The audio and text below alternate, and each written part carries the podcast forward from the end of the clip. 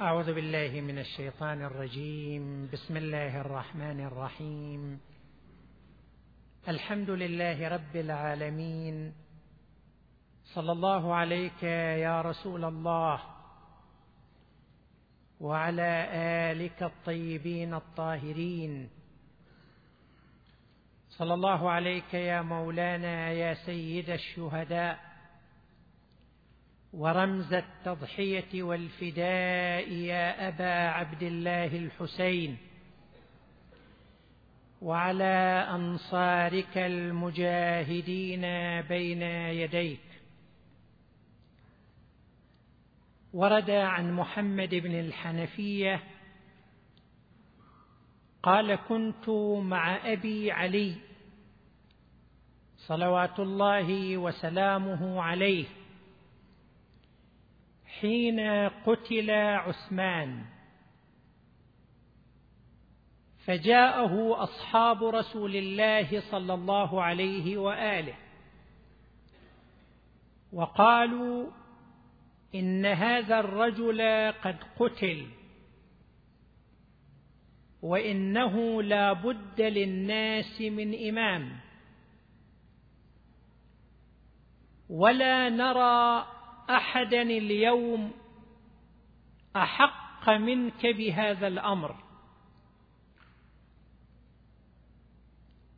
لا أقدم سابقة ولا أقرب إلى رسول الله صلى الله عليه وآله فمد يدك نبايعك.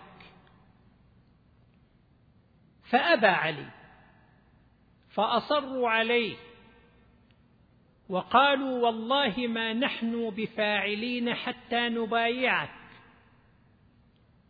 فقال عليه السلام ففي المسجد فإن بيعتي لا تكون خفيا ولا تكون إلا برضا المسلمين. عطروا مجالسكم بذكر محمد وآل محمد.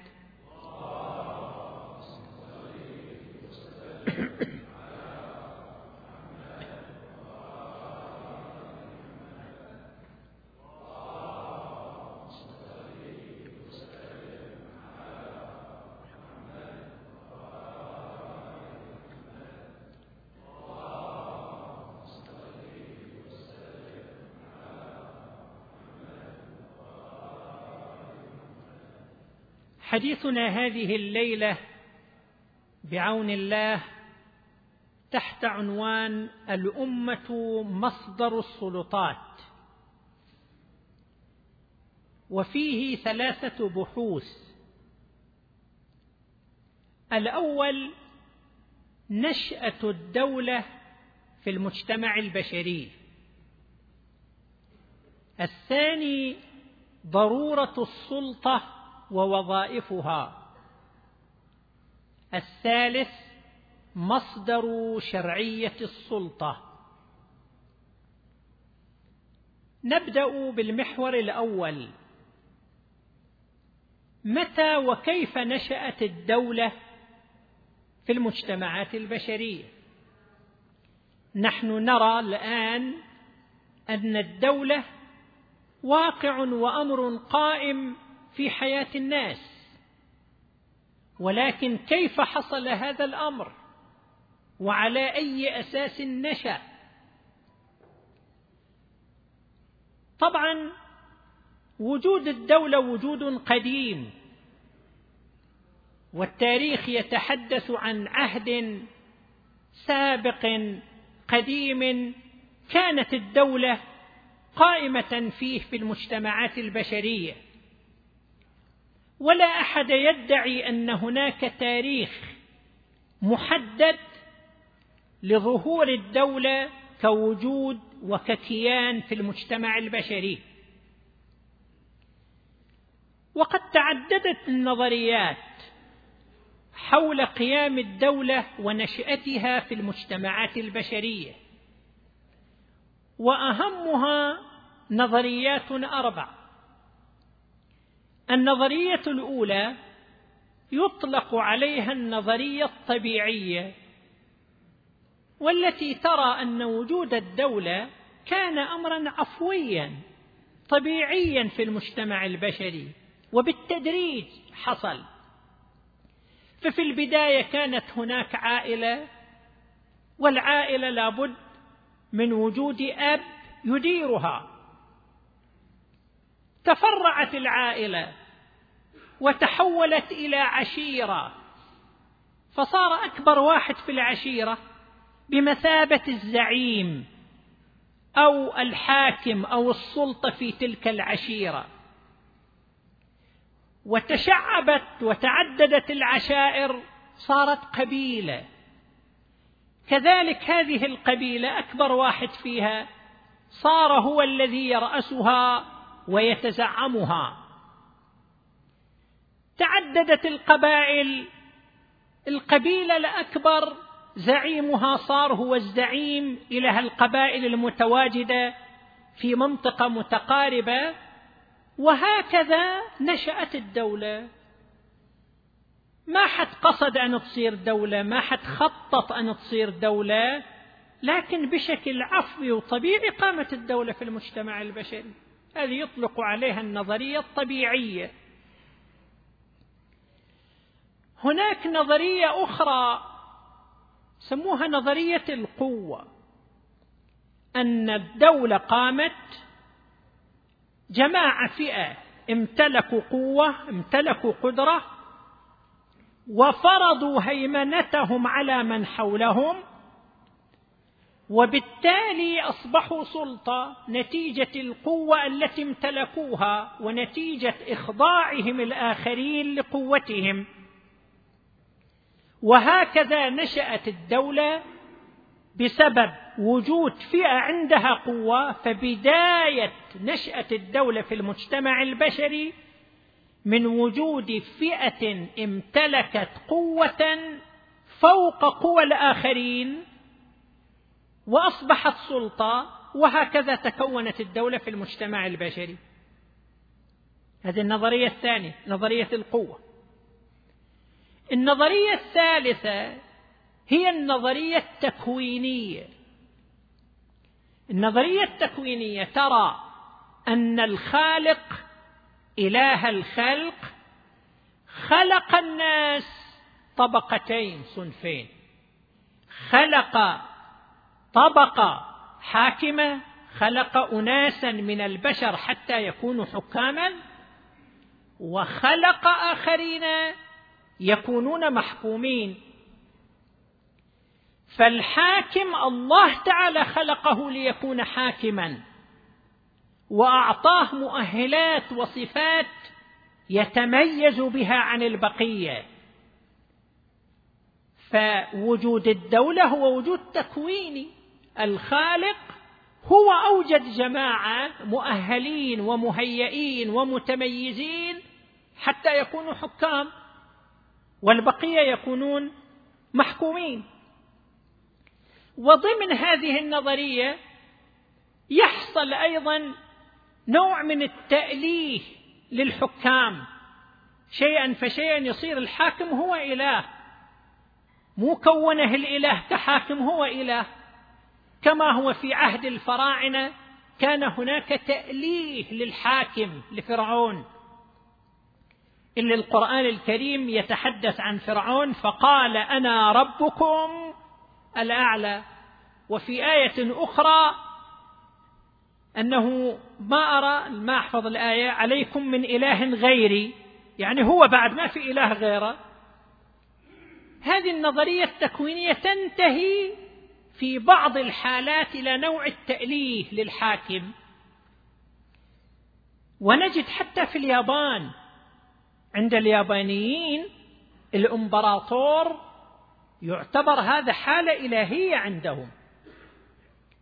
اليابان لأنهم يعظمون الشمس يقدسون الشمس. أصلا بلادهم هم يسمونها نيبون يعني مصدر الشمس.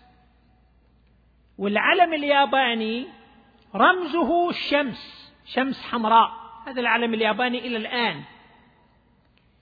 الديانة السائدة عندهم ديانة الشنتو يعني طريق الآلهة. هؤلاء في ديانتهم يعتقدون أن الشمس بعثت ابنها أو حفيدها آلهة الشمس. بعثت ابنها أو حفيدها ليكون حاكما وامبراطورا على اليابانيين. سنة 660 قبل الميلاد آلهة الشمس بعثت ابنها أو حفيدها على اختلاف عندهم حتى يكون حاكما وإمبراطورا لليابانيين. فهذا تكوين هذا الحكم مو الناس سووه تكوين إلهي. واستمرت واستمرت الإمبراطورية يعني الإمبراطور من هذه الأسرة. الآن الإمبراطور الموجودة كهيتو رقم 125 من أحفاد الإمبراطور اللي بعثت آلهة الشمس. والإمبراطور مقدس عند اليابانيين. وقبل هزيمة اليابان كان للإمبراطور يعني قداسة كبيرة جدا وعظيمة. لا يحق لشخص أن يركز نظره في عين الإمبراطور. لا يقع نظره على نظر الإمبراطور. فإن فعل ذلك فهو مذنب. وعليه أن يكفر عن ذنبه. شلون يكفر؟ صوم كفارة صدقة. لا ينتحر. خلاص انتهى الموضوع. وإذا مر موكب الإمبراطور في الشارع الناس لازم كلهم ينحنوا إليه صوت الامبراطور. أيضا ما حد لازم يسمعه. حرام سر من الأسرار. لا يسمعه إلا الصفوة من رجال البلاط. ما حد يسمع صوت الامبراطور. أول مرة سمع الشعب الياباني صوت الامبراطور بعد هزيمة اليابان حينما فرض الأمريكيون فرضت قوات الحلفاء على الامبراطور هيريهوتو يعترف بالهزيمة ويعلن استسلام اليابان. سمع اليابانيون صوته. هذه أول مرة يسمعوا صوت امبراطورهم. طبعا الحرب العالمية الثانية انتهت 1945 بهزيمة اليابان والأمريكان صاروا هم يحكموا اليابان بشكل مباشر وفرضوا على الامبراطور أن يعلن الاستسلام وأن يتخلى عن القداسة التي هو فيها. وأعلن للناس أنه أنا ما عدت مقدس هونت خلاص انتهى. وفوض السلطة إلى الشعب. فبقي رمز إمبراطور رمز للشعب ورمز إلى الوحدة وموقعية تشريفية فقط لكن الحكم للشعب. وصار دستور في اليابان واستمروا اليابانيون. طبعا هذا هيروهيتو توفي مات سنة 1989 وصار من بعده الإمبراطور الحاضر الآن أكيهيتو طبعا الآن تجاوزوا حالة القداسة لكن لا يزال له مكانة في النفوس لا يزال له تقدير في نفوسهم لكن ليست له سلطة فعلية. هذا ضمن سياق النظرية التكوينية في قيام الدولة. النظرية الأخيرة اللي نذكرها والرابعة هي نظرية التعاقد. هذه النظرية تقول لا وجود الدولة هو فعل اختياري من الناس. الناس المجتمع قرروا أن تكون هناك سلطة تحكمهم من أجل تنظيم أمورهم اتفقوا وتعاقدوا على هالسلطة وصارت الدولة مو بشكل عفوي مو لأن قوة فرضت نفسها وليس بسبب تكويني وإنما الناس بما هم عقلاء شافوا أنهم يحتاجوا إلى سلطة يحتاجوا إلى دولة. وهذه راجت في العصور الحديثة هذه النظرية والمفكر الفرنسي جان جاك روسو كتب نظرية نظرية العقد الاجتماعي وأصبحت هذه هي النظرية الرائجة لقيام الدولة. ولنشأة السلطة. هذه أهم وأبرز النظريات في قيام الدولة والسلطة في المجتمع البشري. طبعا اتطورت السلطة إلى أن وصلت إلى مستوى ما يتعارف عليه الآن الدولة القومية من سنة 1664 معاهدة وستفاليا اللي صارت في أوروبا صارت الدولة القومية بهذا الشكل اللي الآن موجودة لا تزال. طيب هذا بالنسبة إلى البحث الأول نشأة الدولة في المجتمع البشري. البحث الثاني عندنا ضرورة الدولة ضرورة السلطة ووظائفها. ليش لازم تكون في المجتمع البشري سلطة؟ هذا أمر طبيعي فطري لأن الإنسان مدني بطبعه وما دام الناس يعيشون مع بعضهم بعضا فلا بد من وجود نظام لا بد من وجود قانون لا بد من جهة تطبق وتنفذ هذا النظام والقانون بين الناس وبالتالي وجود الدولة وجود السلطة هو أمر عقلي أمر وجداني. الوجدان والعقل يدفع أبناء المجتمع البشري إلى أن تكون لهم سلطة إلى أن تكون لهم دولة. أمير المؤمنين علي بن أبي طالب صلوات الله وسلامه عليه له كلمة في هذا السياق. لما سمع الخوارج يهتفون لا حكم إلا لله قال عليه السلام إنها كلمة حق أريد بها باطل. أما إنه لا بد للناس من أمير لا بد من سلطة لا بد للناس من أمير بر كان أو فاجر يعمل في إمارته في إمرته المؤمن ويستمتع الكافر ويقاتل به العدو ويجمع به الفي ويؤخذ به للضعيف حقه من القوي. فإذا وجود السلطة وجود الدولة هذا أمر مطلوب في المجتمع البشري. لا يستغني عنه أي مجتمع بشري. هناك وظائف أساسية للدولة للسلطة. يتحدث فقهاء القانون والباحثون السياسيون عن ثلاث وظائف أساسية لأي سلطة لأي دولة. تتفرع عنها وظائف مختلفة وبعضهم يضيف وظائف أخرى لكن الوظائف الأساسية للدولة للسلطة هي ثلاث. أولا وظيفة الأمن لأن الناس فيما بينهم تختلف آراؤهم تتضارب مصالحهم قد يعتدي أحد على أحد يحصل فيهم أناس أشرار تحصل جرائم تحصل مشاكل. فأول وظيفة مطلوبة من الدولة هي الأمن أن توفر الآمن لمواطنيها. فيكونون آمنين على أنفسهم على أموالهم على أعراضهم.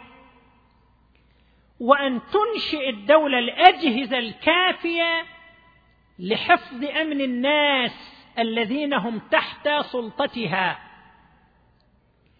وبمقدار ما توفر الدولة الآمن تكون قد حققت هدفا أساس من وجودها. أما إذا تساهلت في الآمن إذا صارت أموال الناس حياة الناس أعراض الناس معرضة للخطر فهذا يعني أن الدولة لم تمارس الدور المطلوب منها قصورا أو تقصيرا. ونجد الآن الدول المتقدمة كيف تحرص على حماية أمن كل مواطن بل كل مقيم يكون فيها بحيث لا يتعرض لأي اعتداء. سواء كان من القريبين أو من البعيدين. قوانين في الدول في أمريكا والدول الغربية حتى حول العنف الأسري. قد تتعرض المرأة قد يتعرض الولد الطفل لعنف من أسرته لاعتداء على حقه. الدولة أيضا مسؤولة.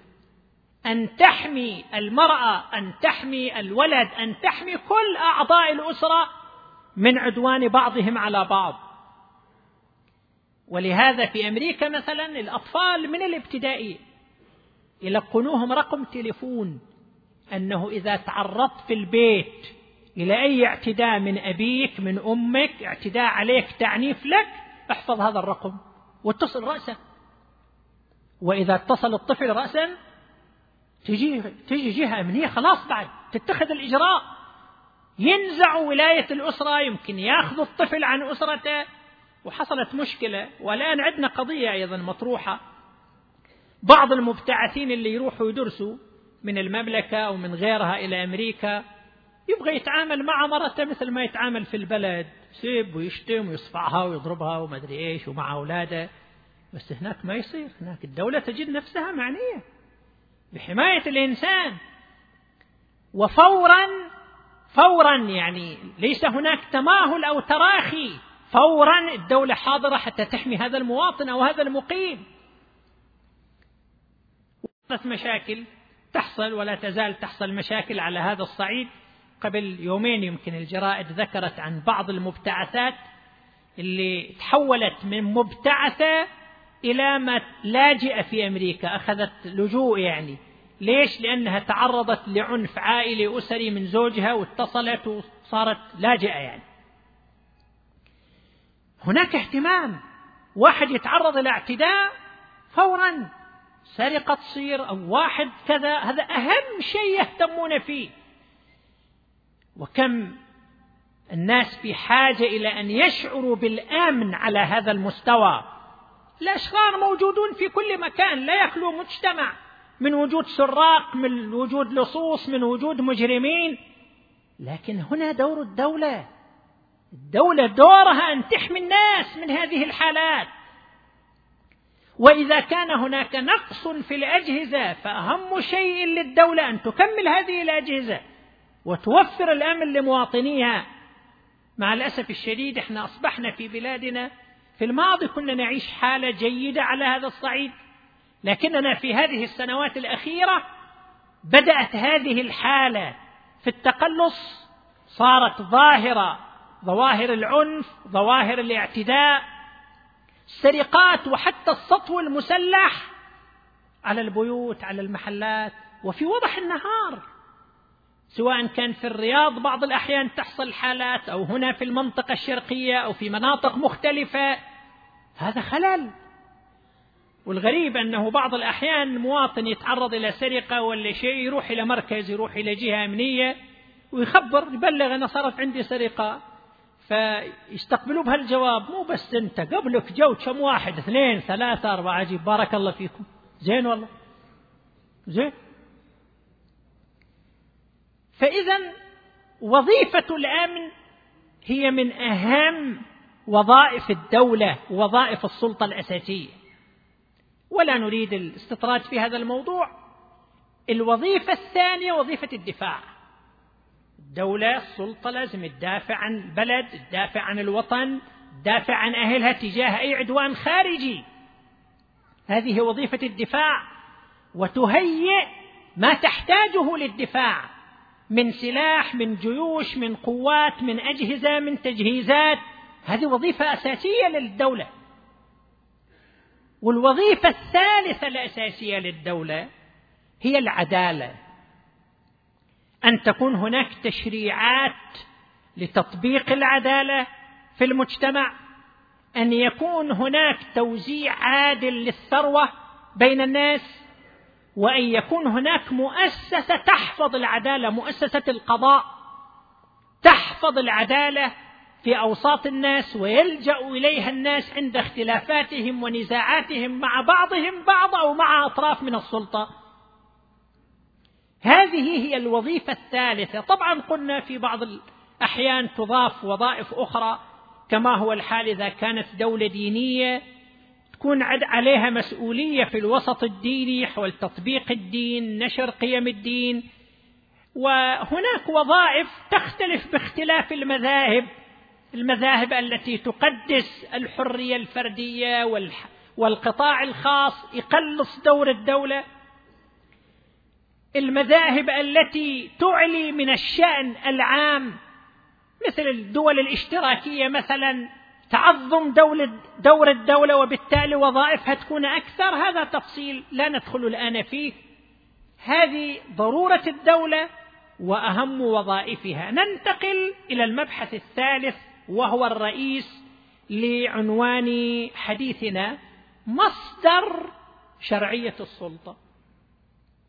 هذه الجهة التي تحكم في الناس وتأمر وتنهى من أين جاءت لها شرعية الأمر والنهي؟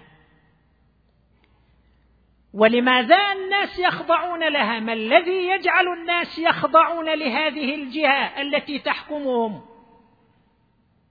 هذا يبحثون تحت عنوان مصدر الشرعية أن هذه السلطة إنما يخضع لها إنما تمارس الأمر والناهي.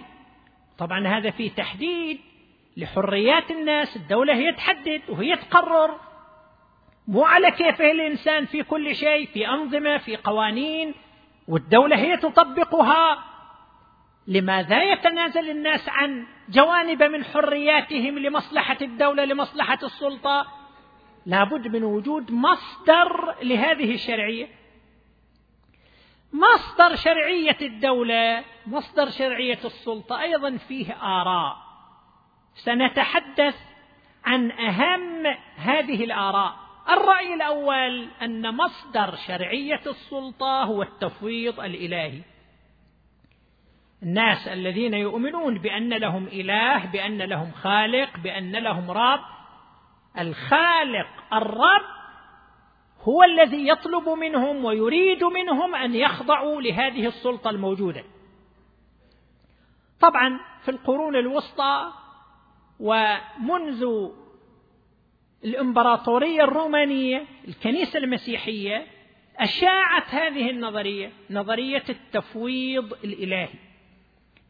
أن الحاكم أن السلطان أن الإمبراطور السلطة مفوضة له من قبل الله تعالى وأن على الناس أن يخضعوا له لأن الله تعالى يريد منهم أن يخضعوا له.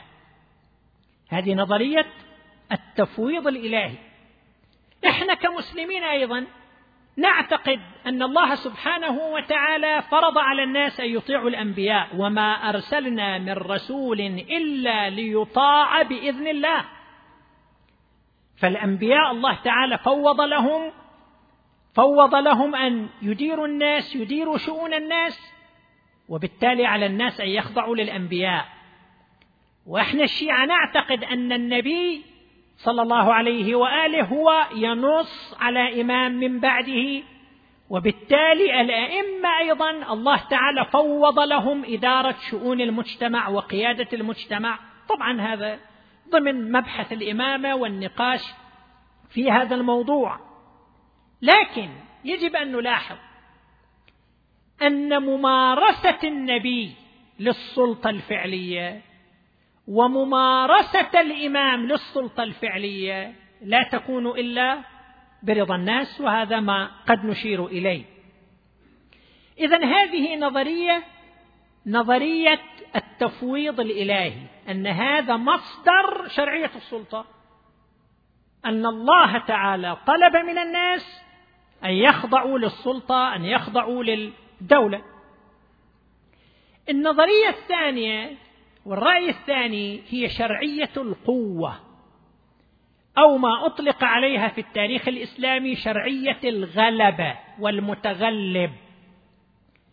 إذا جهة قوية طلعت وسيطرت على البلد سيطرت على المجتمع. خلاص على الناس أن يخضعوا لها. ليش عليهم أن يخضعوا لها؟ لأنها سيطرت وتغلبت. فهي شرعية القوة. وفقهاء المذاهب الأربعة يرون بأن القوة والتغلب تمنح شرعية للسلطة. أي جهة قوية تتغلب فإن ذلك يمنحها الشرعية وعلى الناس أن يخضعوا لها. إذا واحد يقرأ كتاب الأحكام السلطانية للماوردي أو لأبي يعلى الفراء الحنبلي يجد فيه كلام تفصيلي حول هذا الموضوع شرعية المتغلب وينقلون في هذا السياق. طبعا هذا رأي فقهاء المذاهب الأربع وينقلون في هذا السياق رأيا صريح للإمام أحمد بن حنبل أنه قال إذا تغلب إنسان إذا ظهر أحد بالسيف وسمي أميرا للمؤمنين وصار خليفة فلا يحل لأحد يؤمن بالله واليوم الآخر أن يبيت حتى يقر بإمامته وسلطته. ما دام تغلب وضع وظهر بالسيف وبالقوة خلاص بعد لازم تسلم. شرعية القوة شرعية الغلبة. قالوا أنه في عصر المملوكيين حينما جاء قائد المعسكر المملوكي وقتل السلطان وجاء برأسه أمام فقيه البلد. الفقيه الموجود آنذاك. قال أيها الفقيه الآن من السلطان؟ قتلنا هذا السلطان. من السلطان؟ فقال الفقيه السلطان من قتل السلطان. بارك الله فيك ما دام اللي أنت قتلته السلطان من قتل السلطان. انتهى الموضوع. وهناك مقولة فقهية تسود في الفقه المالكي من اشتدت وطأته وجبت طاعته. ما دام عنده قوة وتسلط خلاص طاعته تكون واجبة. وطبعا هذه القضية صارت نوع من التبرير لما وقع في تاريخ الأمة. لما جاءت الدولة الأموية وأول سلطة كانت بالقوة وبالقهر هي السلطة الأموية. معاوية بن أبي سفيان واللي قال كلمته المشهورة إني ما تأمرت عليكم لتصلوا ولا لتصوموا ولا لتحجوا وقد علمت أنكم تفعلون ذلك ولكن لأتأمر عليكم. ما قاتلتكم عفوا ما قاتلتكم لتصلوا أو لتصوموا أو لتحجوا وقد علمت أنكم تفعلون ذلك ولكن لأتأمر عليكم. وبعدين استمرت السلطة بالقوة والغلبة. الفقهاء المسلمون شافوا أن مقاومة هذه القوة المتغلبة راح تصير في فتنة وراح يصير في احتراب وراح تصير في مشكلة. فلذلك الفقهاء من أجل التبرير لهذا الواقع الذي حصل والتنظير له أنتجوا هذه النظرية وهي شرعية القوة وشرعية الغلبة. فإذا عندنا نظرية التفويض الإلهي وعندنا شرعية السلطة والغلبة هذا الأمر الثاني. النظرية الثالثة هو اختيار النخبة. نخبة من المجتمع.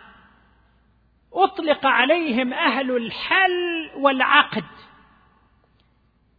نخبة المجتمع كبارية المجتمع وجهاء المجتمع هؤلاء إذا اختاروا أحد وبايعوه كحاكم كخليفة كإمام خلاص بعد صار شرعي. طبعا ما في في النصوص الدينية مصطلح أهل الحل والعقد وإنما هو مصطلح نحته الفقهاء من خلال الواقع ومن خلال التاريخ. تصيدوا له بعض المؤشرات فنحتوا هذا المصطلح أهل الحل والعقد واختلف الفقهاء فقهاء إخواننا أهل السنة اختلفوا أن أهل الحل والعقد منه وش قاد لازم يكونوا؟ فقال بعضهم جمهور أهل الحل والعقد في كل بلد من بلاد المسلمين. يعني النخبة في كل بلدان المسلمين يجتمعوا يتفقوا على أحد ويصير هو الخليفة هو الإمام وتكون هنا شرعية لسلطته. وقال بعضهم لا شي يجمع كل. كل أهل الحل والعقد. يكفي خمسة خمسة أشخاص من أهل الحل والعقد يجتمعوا يتفقوا على واحد منهم والأربعة يبايعوه. خلاص بعد يصير إمام ويصير حاكم ويكون شرعيا وعلى الأمة أن تخضع له. وقال بعضهم يكفي ثلاثة اثنين يبايعوا واحد ومثلوا له بعقد النكاح الولي وشاهدان. خلاص ثلاثة أشخاص اثنين يبايعوا واحد بعد صار شرعي وصار حاكم. بل قال بعضهم بل يكفي واحد اثنين واحد منهم يبايع الثاني وخلاص يصير حاكم. انتهى الموضوع. يصير خليفة وعلى الناس أن يطيعوه. واستشهدوا بقول العباس عم رسول الله صلى الله عليه وآله أنه قال لعلي عليه السلام بعد وفاة رسول الله صلى الله عليه وآله امدد يدك أبايعك. فيقول الناس عم رسول الله بايع ابن عم رسول الله فلا يختلف عليك اثنان. وهو واحد. فاذا هذا يدل على أنه إذا واحد بس بايع بادر بايع خلاص بعد انتهى الموضوع. من سبق لا بد انتهى الموضوع. فيصير خليفة ويصير حاكم شرعي وهذا يكون مصدر للشرعية. طيب هذا رأي. النخبة. الرأي الأخير أو النظرية الأخيرة, الأخيرة في هذا السياق هو رضا عامة المسلمين رضا جمهور الأمة. أن الشرعية لا تأتي لا بالقوة ولا عن طريق نخبة وإنما الناس عامة الناس هم يختاروا أحد يحكمهم. فإذا الناس اختاروا أحد لحكمهم وإدارتهم تصبح سلطته شرعية. الآن مختلف الشعوب في العالم تمشي على هذا المنوال أن الحاكم أن السلطة تأتي باختيار الناس. باختيار عامة الناس عامة الشعب. طبعا تفاصيل كيف يكون الاختيار كيف يكون الانتخاب هذه فيها يعني في مجال للتفاوت بين بلد وآخر لكن بالتالي أن الحاكم والسلطة إنما تكون شرعية باختيار الناس. ونحن حينما نقرأ الفكر الإسلامي والنصوص الإسلامية ونقارن بين هذه النظريات فنرى أن هذه النظرية نظرية اختيار عامة الناس هي النظرية الأقرب إلى مقاصد الدين إلى مباني الدين. طبعا حينما يكون هناك أحد منصوص عليه منصب نبي إمام هذا بحث آخر. إنما الكلام فيما بعد هذه المرحلة بعد هذه الرتبة بناء على من يقول بها كما هو الحال عند الشيعة تأتي المسألة إلى اختيار الناس. اختيار الناس هذا هو الأقرب إلى مباني الشريعة ومقاصدها وهو أقرب إلى العقل. لماذا؟ لأن الناس مسلطون على أنفسهم وأموالهم. النص الأساس الناس مسلطون على أموالهم. لكن هذا يعني من باب الأولوية أنهم مسلطون على أنفسهم. والناس أحرار. الناس أحرار. وهم مسلطون على أنفسهم وأموالهم. فكيف يأتي أحد؟ كيف تأتي جهة وتحكمهم وتتسلط عليهم؟ إلا بموافقتهم. إلا بقبولهم هم. وحتى الأنبياء. فإننا نجد في آيات القرآن الكريم أن الله سبحانه وتعالى لم يطلب من الأنبياء ولم يترك المجال للأنبياء أن يفرضوا أنفسهم على الناس بالقوة. وإنما رضا الناس. الله تعالى يقول فذكر إنما أنت مذكر لست عليهم بمسيطر. وفي آية أخرى فما أنا عليكم بوكيل. آيات كثيرة في القرآن الكريم. أنه الأنبياء حتى لا يمارسون سلطتهم على الناس بالقوة. وإنما الناس يختارونهم الناس يخضعون لهم حينما يقتنعون بهم. وما في عندنا نبي من الأنبياء جاء عن طريق انقلاب عسكري جاء عن طريق قوة. سيف لا نبينا محمد صلى الله عليه وآله.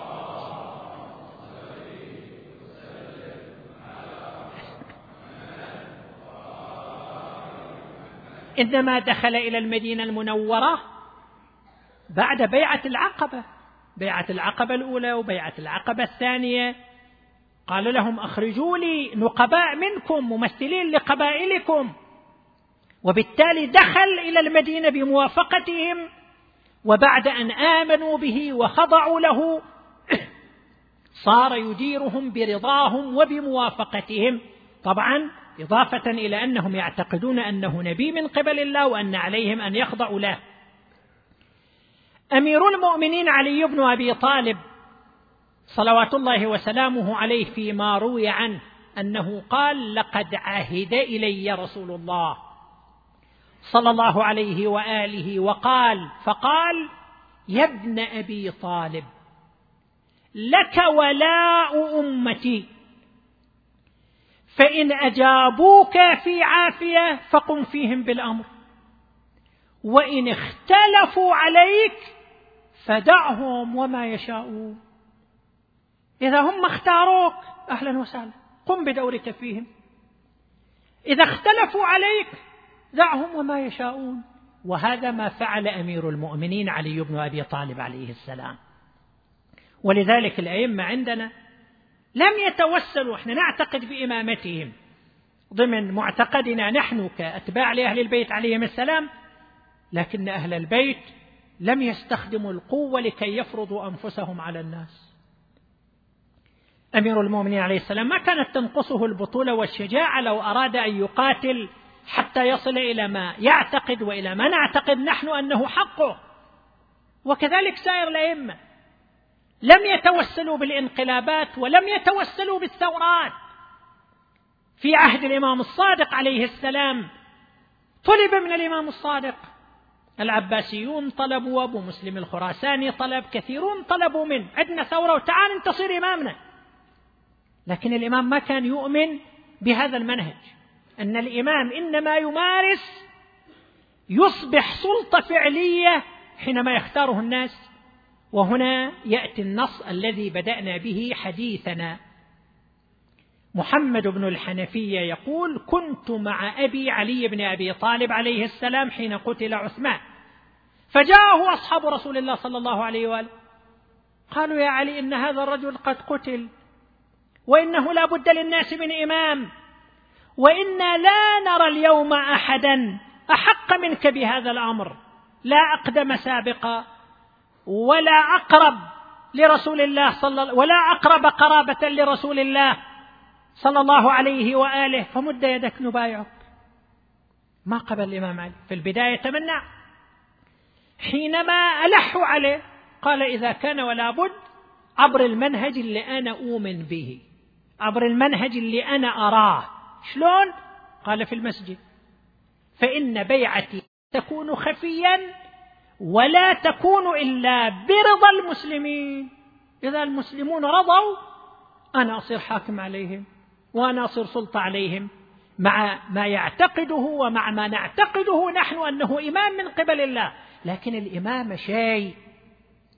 الامامه كموقع كمنصب الهي ديني شيء وممارسة السلطة شيء آخر.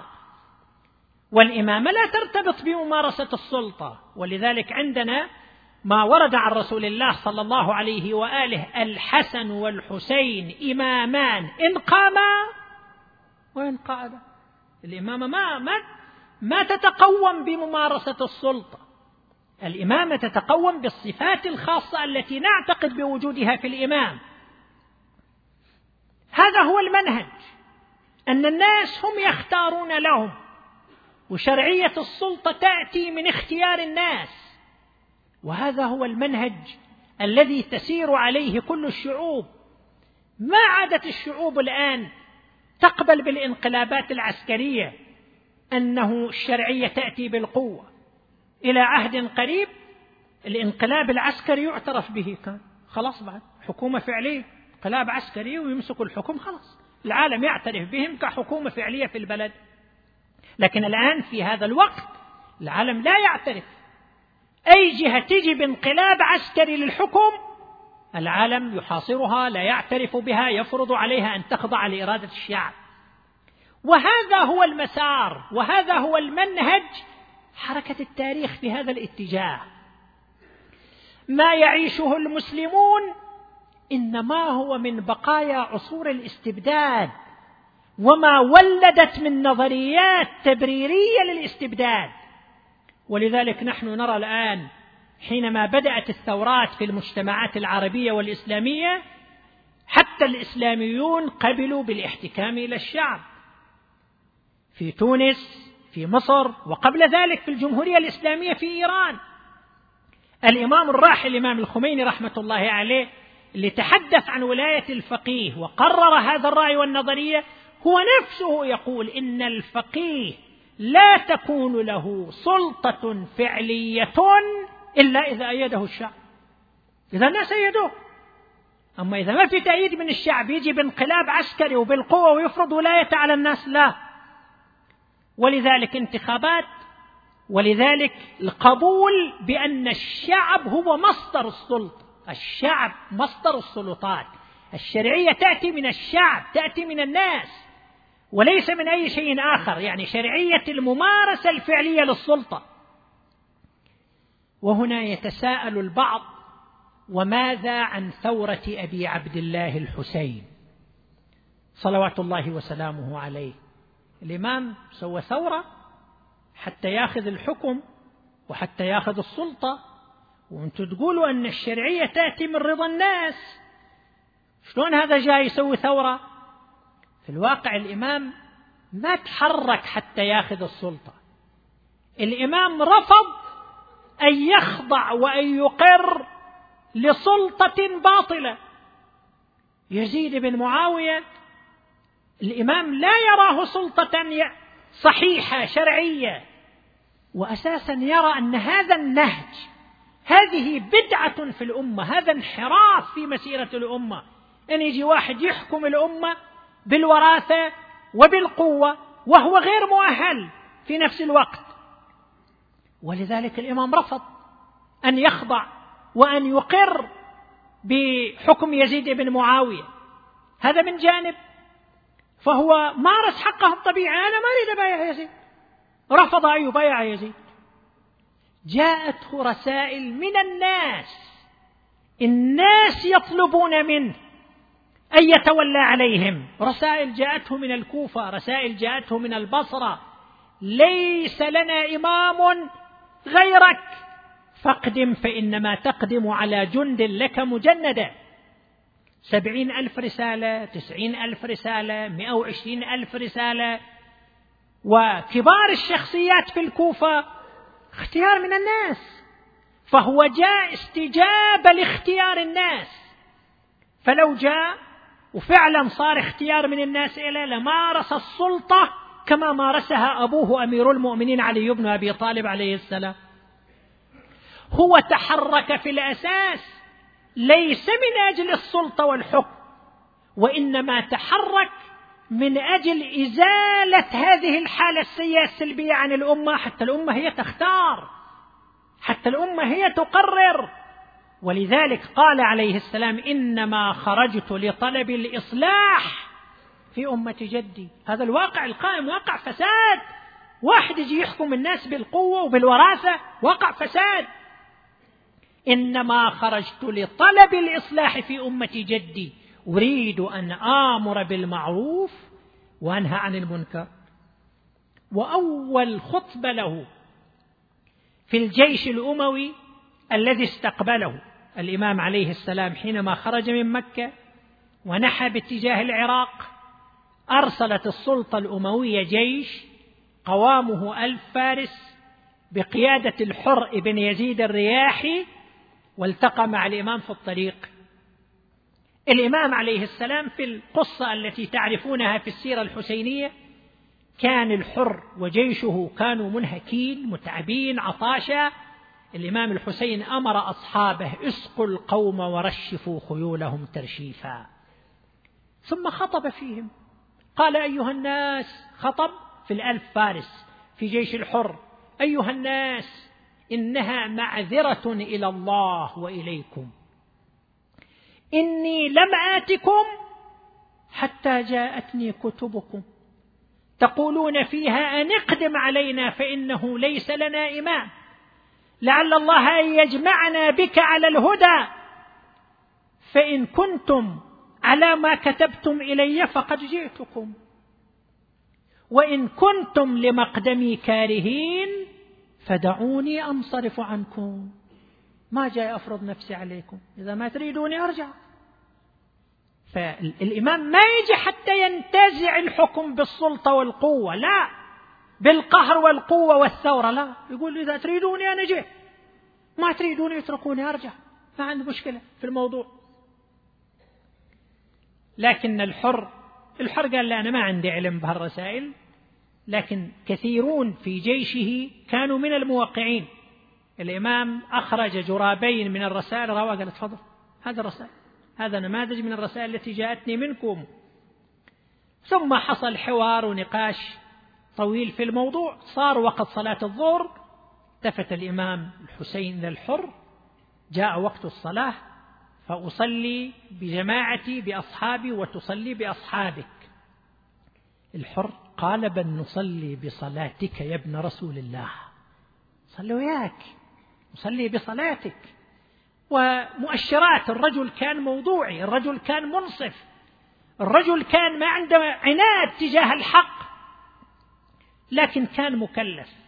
حينما أراد الإمام الحسين عليه السلام أن يرجع كما تشير بعض الروايات منعه الحر. قال له ما يصير. أنا مأمور. لا بد وأن أدخلك الكوفة وأسلمك لعبيد الله بن زياد.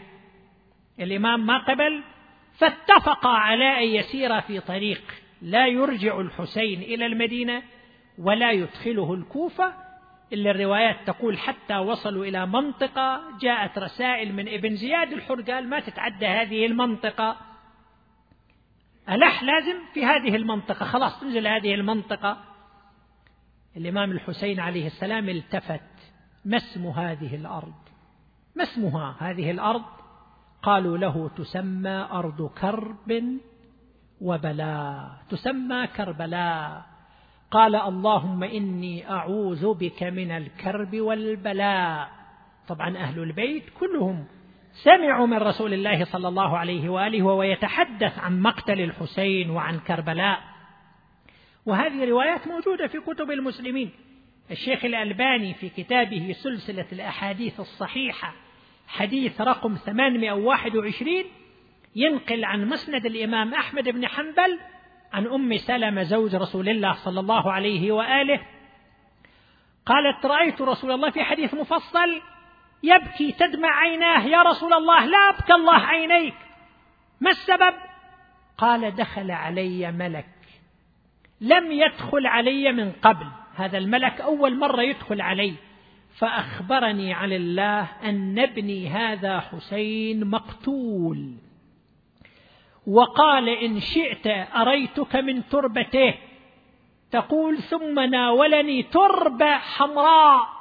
من أرض كربلاء؟ وفي رواياتنا وأيضا في روايات إخواننا أهل السنة أيضا أن أم سلمة احتفظت بتلك التربة. احتفظت بتلك التربة وبقيت عندها. وأن رسول الله صلى الله عليه وآله قال لها إذا رأيت هذه التربة قد فاضت دما عبيطا فاعلمي أن ولدي حسين قتل. احتفظت بالتربة. خرج الإمام الحسين عليه السلام إلى العراق. كانت أم سلمة وجلة قلقة. تقول الرواية في اليوم العاشر من المحرم. أم سلمة كانت نائمة ظهرا. فرأت في المنام رسول الله صلى الله عليه وآله. وقد أقبل عليها وهو أشعث مغبر. الغبار يعلو رأسه ولحيته. قالت له أم سلمة يا رسول الله ما لي أرى الغبار يعلو رأسك ولحيتك. قال يا أم سلمة الآن شهدت مصرع ولدي حسين. فانتبهت أم سلمة فزعه مرعوبة وصاحت قتل الحسين وصارت ضجة عند الناس وعرف الناس حينئذ بمقتل الإمام الحسين عليه السلام.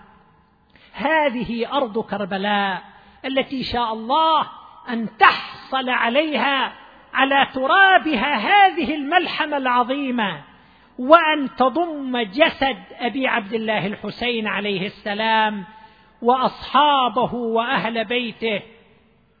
كربلاء لا زلت كربا وبلاء. يقول الشريف المرتضى رحمة الله عليه الشريف الرضي كربلاء لا زلت كربا وبلاء ما لقي عندك آل المصطفى. كم على تربك لما صرعوا من دم سال ومن دمع جرى يا رسول الله لو عاينتهم وهم ما بين قتل وسباء وصريعا عالج الموت بلا شد لحيين ولا مد رداء قتلوه بعد علم منهم أنه خامس أصحاب الكساء. إنا لله وإنا إليه راجعون.